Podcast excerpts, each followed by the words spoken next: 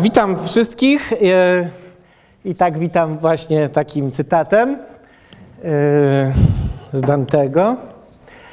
I Nagroda Nobla z fizyki, ja o niej lubię mówić, że to jest Nagroda Nobla z filozofii eksperymentalnej. Więc e, z tej przyziemności rzeczywiście wchodzimy teraz wysoko. Nawet bym powiedział, że jeszcze wyżej niż ten pierwszy wykład, który mimo, że kosmiczny, jednak tak jest ciągle taki intuicyjny, a teraz wchodzimy w taką, w taką sferę, gdzie nasze intuicje naprawdę są narażone, znaczy wystawione na bardzo dużą próbę. Więc Nagroda Nobla z fizyki została przyznana w tym roku e, trzem, trzem fizykom, Alanowi Aspe, Johnowi Clauserowi i Antonowi Zeilingerowi. I tutaj jest e, wytłumaczenie za co, nie będę szwedzkiego, może tylko spróbuję angielski przetłumaczyć za eksperymenty ze splątanymi fotonami, e, wykazaniem łamania nierówności Bella i e, pionierskimi badaniami nad e, kwantową teorią informacji.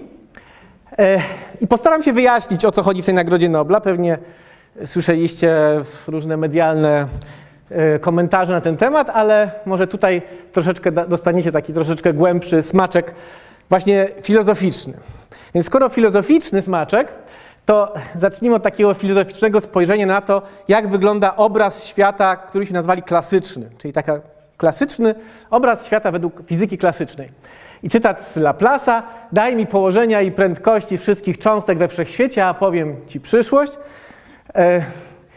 Co to stwierdzenie wyraża? Po pierwsze wyraża determinizm, ale wyraża też coś więcej. Wyraża też tak, to jest niby tutaj może tak implicite i ktoś może na to nie zwracać uwagi, ale jest powiedziane położenia i prędkości wszystkich cząstek. Domyślnie zakładamy, że wszechświat składa się z obiektów, czyli bytów obiektywnych, niezależnych od obserwatora w żaden sposób, które mają swoje własności. Tak? I to w tym zdaniu jest, jest ukryte tak, nie, tak przy okazji. Czyli to jest podstawowe założenie obrazu klasycznego. Wszechświat jest złożony z obiektów, czyli są takie rzeczy, które po prostu istnieją same w sobie, niezależnie od nas. My możemy zniknąć, one istnieją i mają swoje własności i z tych klocuszków budujemy, budujemy obraz naszego wszechświata. Każdy tak robi. Fizyk kwantowy też tak robi, tylko później się samobiczuje, że tak nie może, ale też tak robi, bo to jest ta nasza klasyczna intuicja. Co więcej, pomiar w świecie klasycznym jest czymś zupełnie nieciekawym. Jest tylko takim podniesieniem pokrywki garnka, sprawdzeniem, co tam się gotuje, zamknięciem i, i koniec. Sprawdzamy tylko wartości wielkości fizycznych, które już wcześniej miały dobrze ustalone wartości. Tak? Powtórzyłem chyba to samo dwa razy. Yy, czyli pomiar jedynie ujawnia coś, co istniało obiektywnie wcześniej. Taki świat lubimy. Taki świat przynajmniej lubiliśmy w XIX wieku. Ciągle pewnie byśmy lubili, ale Okazuje się, że fizyka kwantowa spowodowała, że musieliśmy jakoś troszkę zrewidować nasz obraz świata. W szczególności istnieje zasada nieoznaczności Heisenberga, która w najprostszym sformułowaniu mówi o tym, że nie możemy przygotować układu kwantowego, czyli kwantowej cząstki, e, w stanie, który ma dobrze określone i położenie, i pęd, czy tam prędkość, mówiąc ogólnie. Czyli w jakimś sensie te dwie wielkości fizyczne są niekompatybilne ze sobą. Tak? Czyli nie ma obiektu, kwantowego, który ma dobrze określone położenie i prędkość jednocześnie. I o tym mówi zasada nieoznaczoności, gdzie to h to tutaj jest e, stała planka po prawej stronie, a delta x, delta p to jest nieoznaczoność położenia i pędu. I, i zgodnie z rygorystycznym rozumieniem mechaniki kwantowej to jest fundamentalna nieoznaczoność, nie wynikająca z jedynie z jakiejś niedoskonałości naszych urządzeń pomiarowych, tylko z samego faktu niemożliwości istnienia takiego stanu. To jest bardzo ważne. E, matematycznie wiąże się to z taką własnością e, operatorów położenia i pędu, e, które ze sobą nie komutują, czyli pomnożenie położenia i pęd jest czym innym niż pomnożenie pęd razy położenie. To dla takich osób z zacięciem matematycznym i którzy widzieli macierze na przykład. Dobrze. No i teraz oczywiście to się wielu osobom nie podobało. I najsłynniejszy artykuł, który krytykował to podejście i próbował jakby odwrócić bieg historii, to jest, to jest artykuł Einsteina Podolskiego Rosena z 1935 roku, gdzie oni po prostu wzięli formalizm mechaniki kwantowej i zauważyli pewną ciekawą rzecz. Że jeśli rozważymy dwie cząstki kwantowe, to owszem, żadna z nich nie może mieć dobrze określonego położenia i pędu. Ale oni byli tacy sprytni i napisali stan kwantowy który ja tutaj zapisa zapisałem w taki sposób, który może nie jest do końca dla wszystkich jasny, ale to jest, to, to są delty Diraca, które tylko mówią tyle, że różnica położeń dwóch cząstek musi być równa d, a suma pędów musi być 0. Dobrze, tylko tyle to znaczy ten napis. E, przy czym po, poza tym nic więcej nie wiemy. To znaczy nie wiemy, jakie są te położenia i pędy. Wiemy tylko, że różnica jest dobrze określona położeń i suma pędów. Ale czy te cząstki są tu, czy tam, czy mają pędy takie, czy owakie, to, to nic nie wiemy. Okay? Okazuje się, że taki stan kwantowy można już napisać. A to dlatego, że to znowu dla osób z zacięciem matematycznym, że różnica operatorów położeń i suma operatorów pędu już komutują, co łatwo dowieść z e, tam, jak to, rozdzielności komutatora względem dodawania. No. Dobrze? To de facto mnożenia względem dodawania. No. Dobrze? To, to jak już ktoś tamten wzorek poprzedni sobie przepisał, to, to wyniknie mu z tego ten wzorek. Dobrze? E E, dobrze, komutator to jest po prostu, że mnożę jedno przez drugie i odejmuję odwrotnie, tam to przez pierwsze. Ale to znowu jest, jest, jest tylko taki, taki, e, taki, taki dodatek matematyczny, jak ktoś by chciał coś sobie napisać samemu.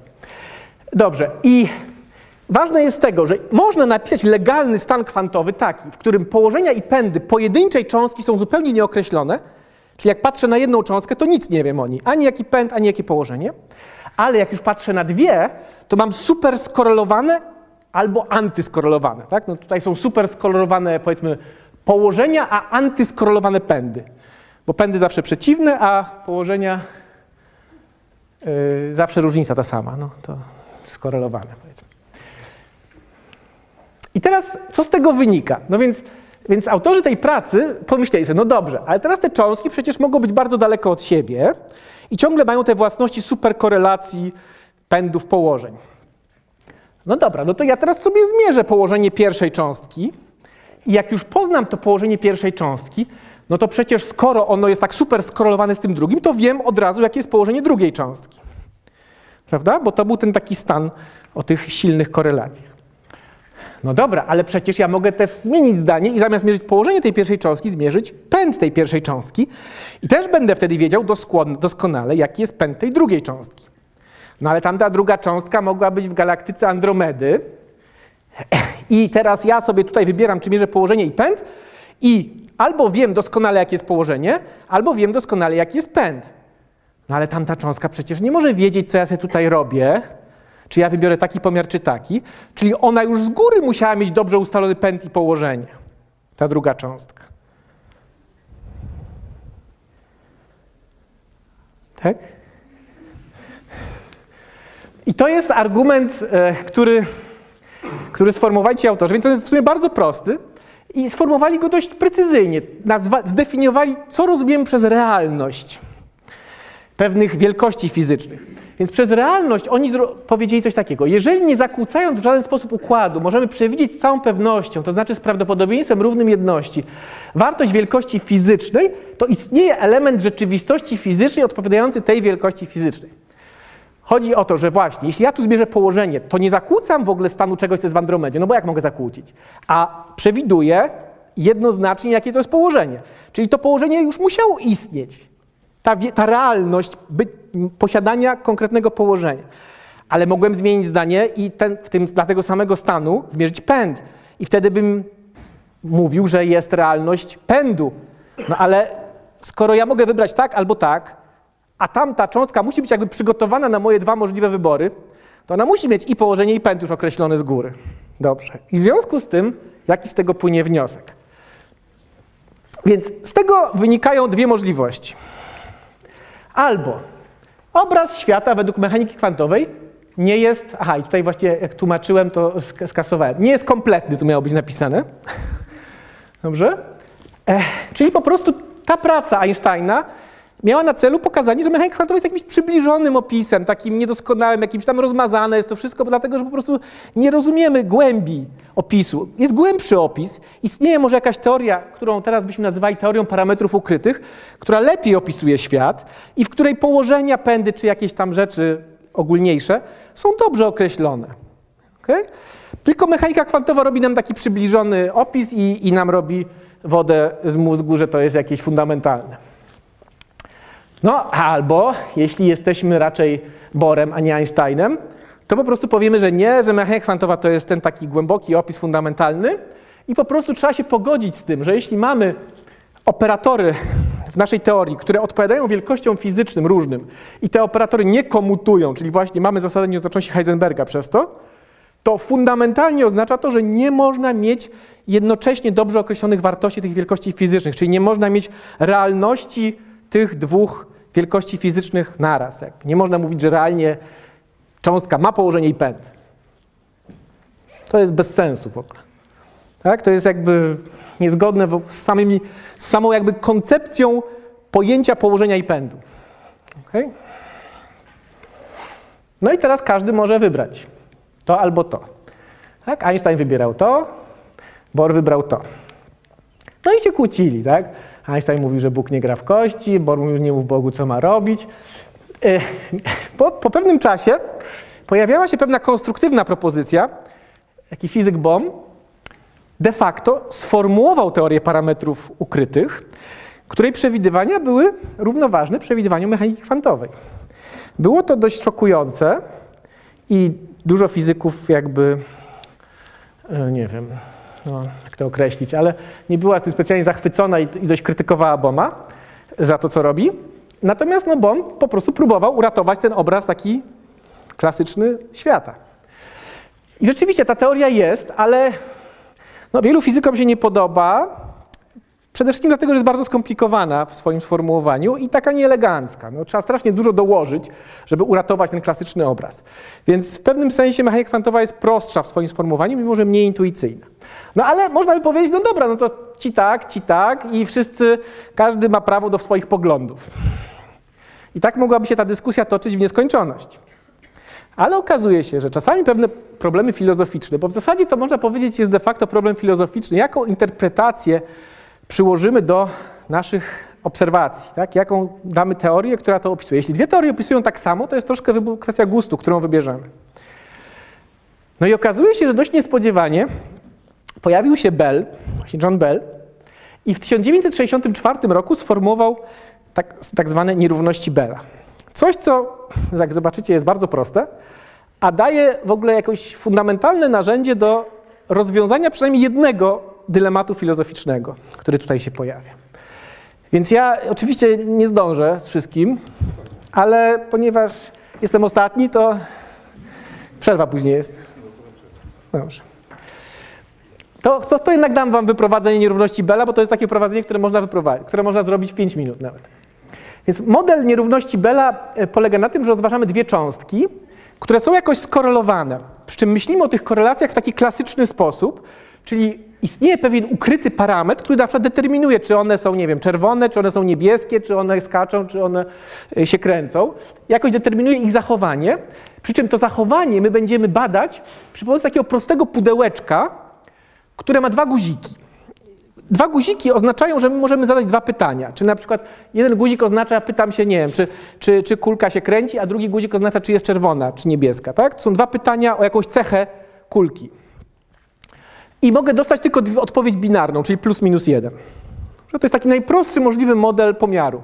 Znaczy, że mam dwa możliwe pomiary i dwa możliwe wyniki dla każdego pomiaru. Okay? Podobnie Bob ma też takie samo pudełeczko, znaczy takie samo, e, niekoniecznie takie samo, ale z, takimi sami, z taką samą liczbą guzików i takich samych outputów. I teraz Bell mówi sobie, dobrze, to jeśli mamy taki eksperyment, który da się tak opisać i dołożymy założenia realności, czyli tego, co Einstein chciał, że jak coś, jest, coś nie zaburzamy, to musi mieć już i potrafimy przewidzieć wielkość fizyczną, to, to ona musi już istnieć. A drugą lokalność właśnie, czyli tego, że jak ja tu coś tu kręcę, to coś gdzieś daleko nie może natychmiast wiedzieć o tym, że ja tu kręcę. To wynika z tego, że wartości, które zostają wypluwane przez pudełka, mogą zależeć tylko od tej lambdy, czyli parametru, który został zakodowany w momencie przygotowania tych cząstek, kiedy one są przygotowane i rozesłane. To jest ten parametr, który determinuje ich zachowanie, jak ktoś je będzie mierzył. Oraz od tego u, Alicji, który guzik ona wciśnie. Czyli Czyli on, czy na, o jaką cechę się zapyta. I tylko od tego może zależeć. Czyli wynik Alicji w szczególności nie może zależeć od tego, który, wynik, który, który guzik Bob wciska. Dobrze? No bo to by była komunikacja jakaś natychmiastowa tak? między, między tymi. Czyli to jest ta lokalność, a realność to jest to, że ta wartość jest dobrze określona. Tak, że jak już ustalimy lambda i ai, to już wiadomo, czy to jest plus jeden, czy minus jeden. To już istnieje jakby. Okay? I istnieje w tym sensie dla każdego możliwego pytania, czyli i dla A1, i dla A2. Już jest dobrze określone. Pytanie. Tutaj. Hmm? Proszę, proszę. Bo to jest bardzo proste, ale z drugiej strony niesamowicie potężne, więc proszę się pytać. Jak... A, tak samo u Boba, to jak. Dobrze? To trzeba naprawdę było geniusza, żeby wymyślić coś tak prostego, co, co daje tak, tak mocny warunek. Dobra, i teraz można, jak już to sobie wprowadzimy, ten, ten, model eksperymentu, e, to można teraz sobie zapisać taką wielkość, która w jakimś sensie charakteryzuje korelację między tymi wynikami.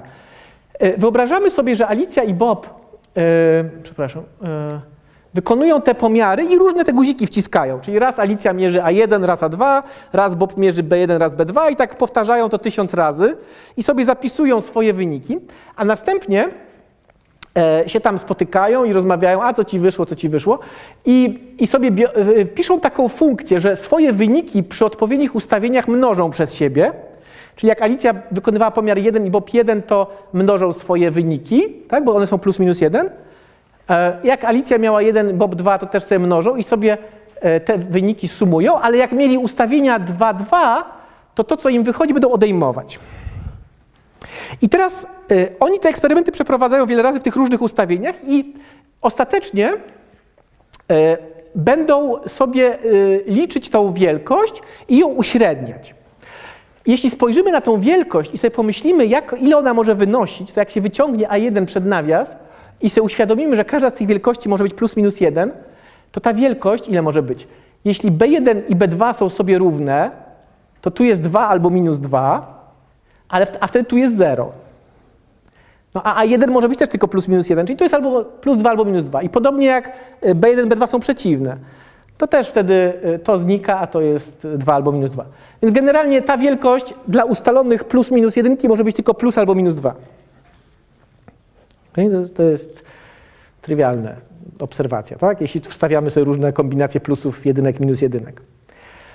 To oznacza, że teraz, jeśli ja mam jakiś rozkład prawdopodobieństwa tych lamp, przygotowanych cząstek i sobie policzę, przepraszam, Jezus Maria, przeliczę, przepraszam, policzę sobie taką średnią, dobrze? Czyli liczę teraz sobie taką średnią po lambdzie z tego wyrażenia, czyli dla różnych lambd mogę mieć różne tutaj wyniki plus minus jeden i sobie to uśredniam po rozkładzie prawdopodobieństwa tych lambd, które charakteryzują mi ten eksperyment. To skoro każda, dla każdej lambdy to może być plus albo minus dwa, to jak to uśredniam, to moduł z tego będzie zawsze mniejszy od dwóch. I to jest koniec nierówności Bela. Dobrze? To jest tak trywialne, że aż dziwne, że ktoś to opublikował gdzieś. A, słucham? Wartość bezwzględna, tak. A tak się w szkole nie mówi moduł. Dobrze. Wartość bezwzględna e, jest mniejsza od dwóch. I teraz oczywiście to nie byłoby nic ciekawego, gdyby nie fakt, że taki eksperyment można przeprowadzić w ramach mechaniki kwantowej, i wyjdzie nam więcej niż dwa. I znowu, teraz ja nie mogę wchodzić w szczegóły, jak ten eksperyment robimy, ale powiem tylko, że wykorzystujemy do tego dwie cząstki kwantowe, które są splątane. Troszkę w takim stylu jak te położenia i pędy w tym pierwszym y, modelu Einsteina, że mamy korelacje, tylko tutaj korelacje są pomiędzy e, spinami dwóch cząstek. Spin to jest tak jakby taki bączek, że się kręci, w którą stronę pokazuje, że się kręci. I kwantowo taki, taka cząstka, która mówimy, że ma spin jedna druga, oznacza, że jak zmierzymy wartość tego kręcenia, czyli moment pędu w jakimś kierunku, to może nam wyjść tylko, mogą nam wyjść, wyjść tylko dwie wartości. Plus minus, tam jedna druga stałej planka. Nieważne, czy plus minus jedna druga, ważne, że plus minus. Okay? Tam, że jedna druga, to nieważne.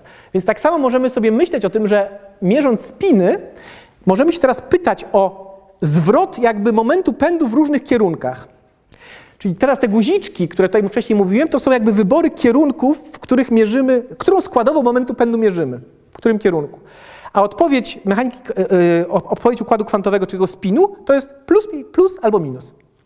On musi zdecydować. To skwantowanie spinu na tym polega, że są tylko dwa wyniki.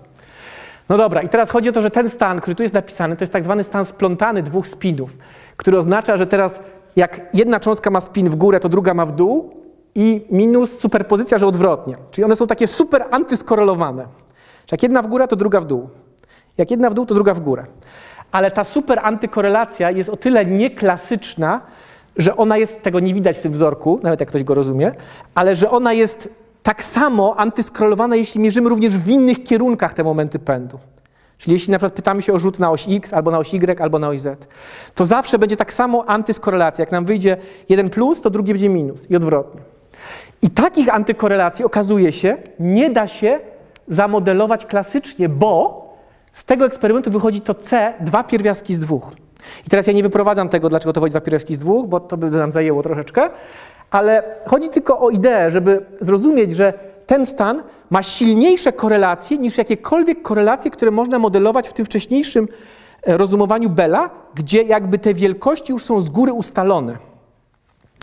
Czyli jaki z tego płynie wniosek?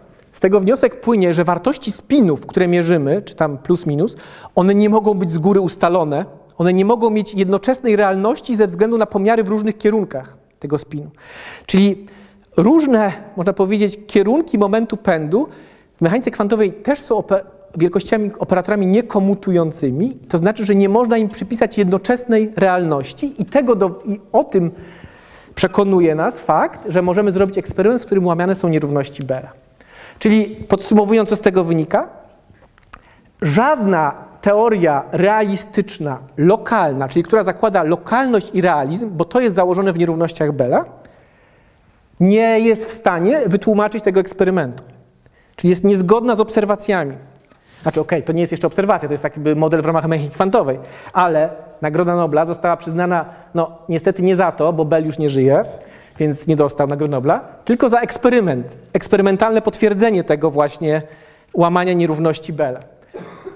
Przy czym to łamanie nierówności Bella nie było wykonywane na spinach, tylko na polaryzacji fotonu, co jest matematycznie, można powiedzieć, odpowiednikiem e, kierunku spinu, polaryzacja fotonu, czyli był to eksperyment z użyciem par fotonów. Dwa fotony były rozsyłane do dwóch detektorów, w których mierzono polaryzację taką, owaką i pisano równoważnie tą wielkość, którą nazwałem C, czyli tą wielkość, która mówi o sile korelacji polaryzacji.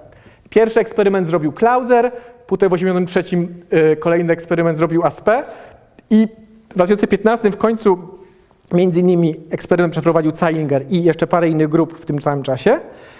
I dlaczego, dlaczego ten eksperyment nie wystarczył? Trzeba było ciągle robić nowe eksperymenty.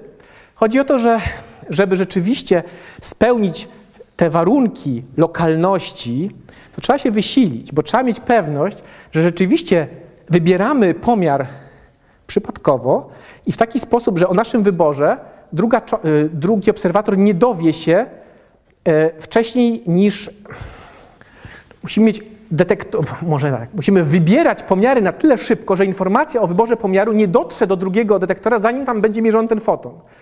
Tak? Chodzi o to, żeby spełnić ten warunek lokalności, żeby nie było możliwe przesłania informacji o ustawieniu naszego detektora do drugiego laboratorium, bo wtedy te założenia nierówności Bella nie są spełnione.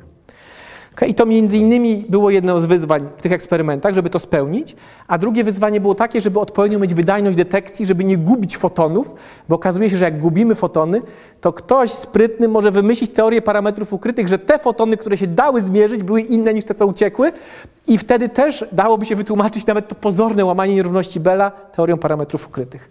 Dlatego to tak długo trwało i dlatego dopiero eksperymenty takie konkluzywne były w 2015 roku, więc dość niedawno. kiedy uznamy, że rzeczywiście Zostały złamane nierówności Bella. Co tam jeszcze? Trzy minutki? Czy już? Dwie. Dwie. Dobrze, więc tak szybciutko. Praktyczne zastosowania to jest tak zwana kwantowa kryptografia albo kwantowa dystrybucja klucza, gdzie tak. Ale to proszę teraz stoper zatrzymać. Tak. Skąd eksperymentatorzy brali losowość? Ha, I druga rzecz, tak. czy losowość nie może być nośnikiem Bardzo dobre pytanie. Więc tak, w tych eksperymentach w ogóle nie dbano o losowość i to był jeden z zarzutów też do tych eksperymentów. Teraz w tych eksperymentach e, rzeczywiście zadbano o losowość i jednym z najlepszych źródeł losowości jest, e, co można powiedzieć, kwantowe generatory liczb losowych, czyli puszczenie fotonu na płytkę, który może przejść albo się odbić i to jest 0,1. I teraz oczywiście ktoś może powiedzieć, że to jest jakiś spisek, że ten generator będzie jakoś spiskował całą resztą układu. I rzeczywiście w pewnym momencie jakby y, parano, paranoi nie da się powiedzieć, ok, naprawdę nie ma tu żadnego wytrychu i wszystko zostało udowodnione, bo rzeczywiście założenie losowości jest tu ważne. W szczególności nie może Pan mnie przekonać, że nie jesteśmy w wielkiej grze komputerowej, w której wszystko jest z góry zaprogramowane i wszystkie zdarzenia, nawet ten mój wybór jest zdeterminowany. Nie możemy tego wykluczyć. Więc oczywiście wtedy świat jest nawet, to się nazywa superdeterminizm, tak? Może być świat superdeterministyczny, a mechanika kwantowa tylko tak wygląda, bo ktoś tak sobie wymyślił, że teraz wyjdzie taki wynik, bo ja ustawię tak układ pomiarowy i dlatego złamię nierówności Bella i ja się będę cieszył, że udowodniłem, e, że nie ma determinizmu, nie ma, nie ma lokalnego realizmu, ale tak naprawdę to i tak było z góry zdeterminowane, jak ja będę kręcił tymi gałkami. Tego nie możemy wykluczyć. Okay? Więc ma Pan jak naj- 100% racji, że w dowodzie łamania nierówności Bella kluczowe jest też założenie losowości naszego wyboru, albo można powiedzieć tak bardziej e, e, egzaltowanie, założenie wolnej woli. Że, że naprawdę wybieramy w sposób niezależny od jakby reszty wszechświata, co e, zrobimy. Okay? Czyli można y, zastąpić losowość wolną wolą, na Tak. jedno wychodzi. Tak. Dobrze, to, to ja tylko wspomnę, że dystrybucja, kwantowa dystrybucja klucza jest jednym z przykładów, gdzie tę filozoficzną głębię można przełożyć na coś praktycznego, bo okazuje się, że fakt, że nie istnieją te parametry ukryte, czyli innymi słowy, że te stany spinów czy polaryzacji, one z góry nie są ustalone. One dopiero w pewnym sensie się ustalają w momentach pomiaru. A to oznacza, że jeśli wykorzystamy te wyniki pomiaru jako nasz klucz, to mamy pewność, że on wcześniej nie, nie istniał, ten klucz, i nie mógł być współdzielony przez jakiegoś wroga, tak? który w tym sensie nawet będziemy się cieszyć, jak dostaniemy taki stan splątany od wroga. Pod warunkiem, że złamiemy nierówności Bella, to nas to nie interesuje, że to dostaliśmy z jakiegoś niezaufanego źródła.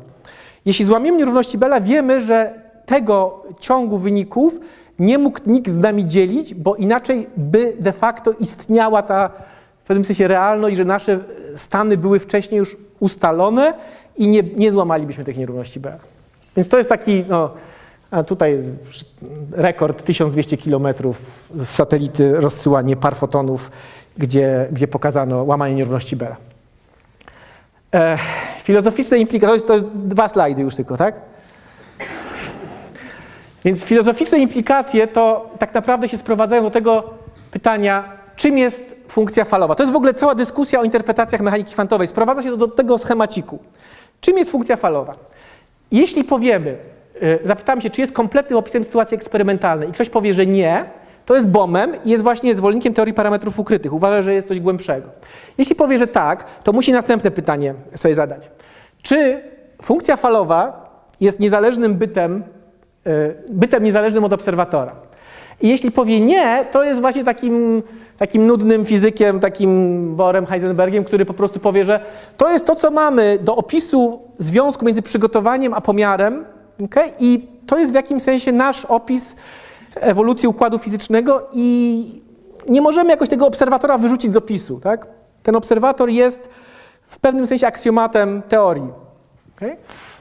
Czyli jest to jakieś takie narzędzie, ale nie powinniśmy temu przypisywać zbyt takiego absolutnego bytu, niezależnego od, od obserwatora. Ale są tacy, którzy nie chcą na to przystać.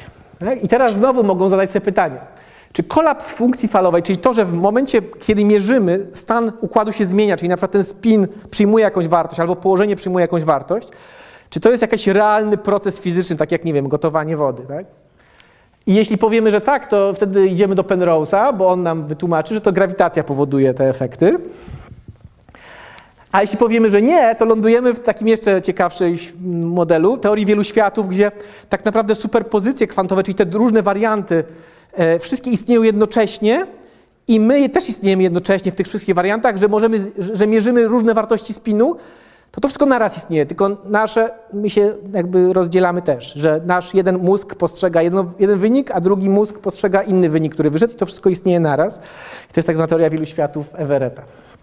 Więc każdy ma do wyboru do koloru, co chce, ale trzeba coś wybrać z tego. Tak? To nie są dobre wybory, ale trzeba któryś wybrać.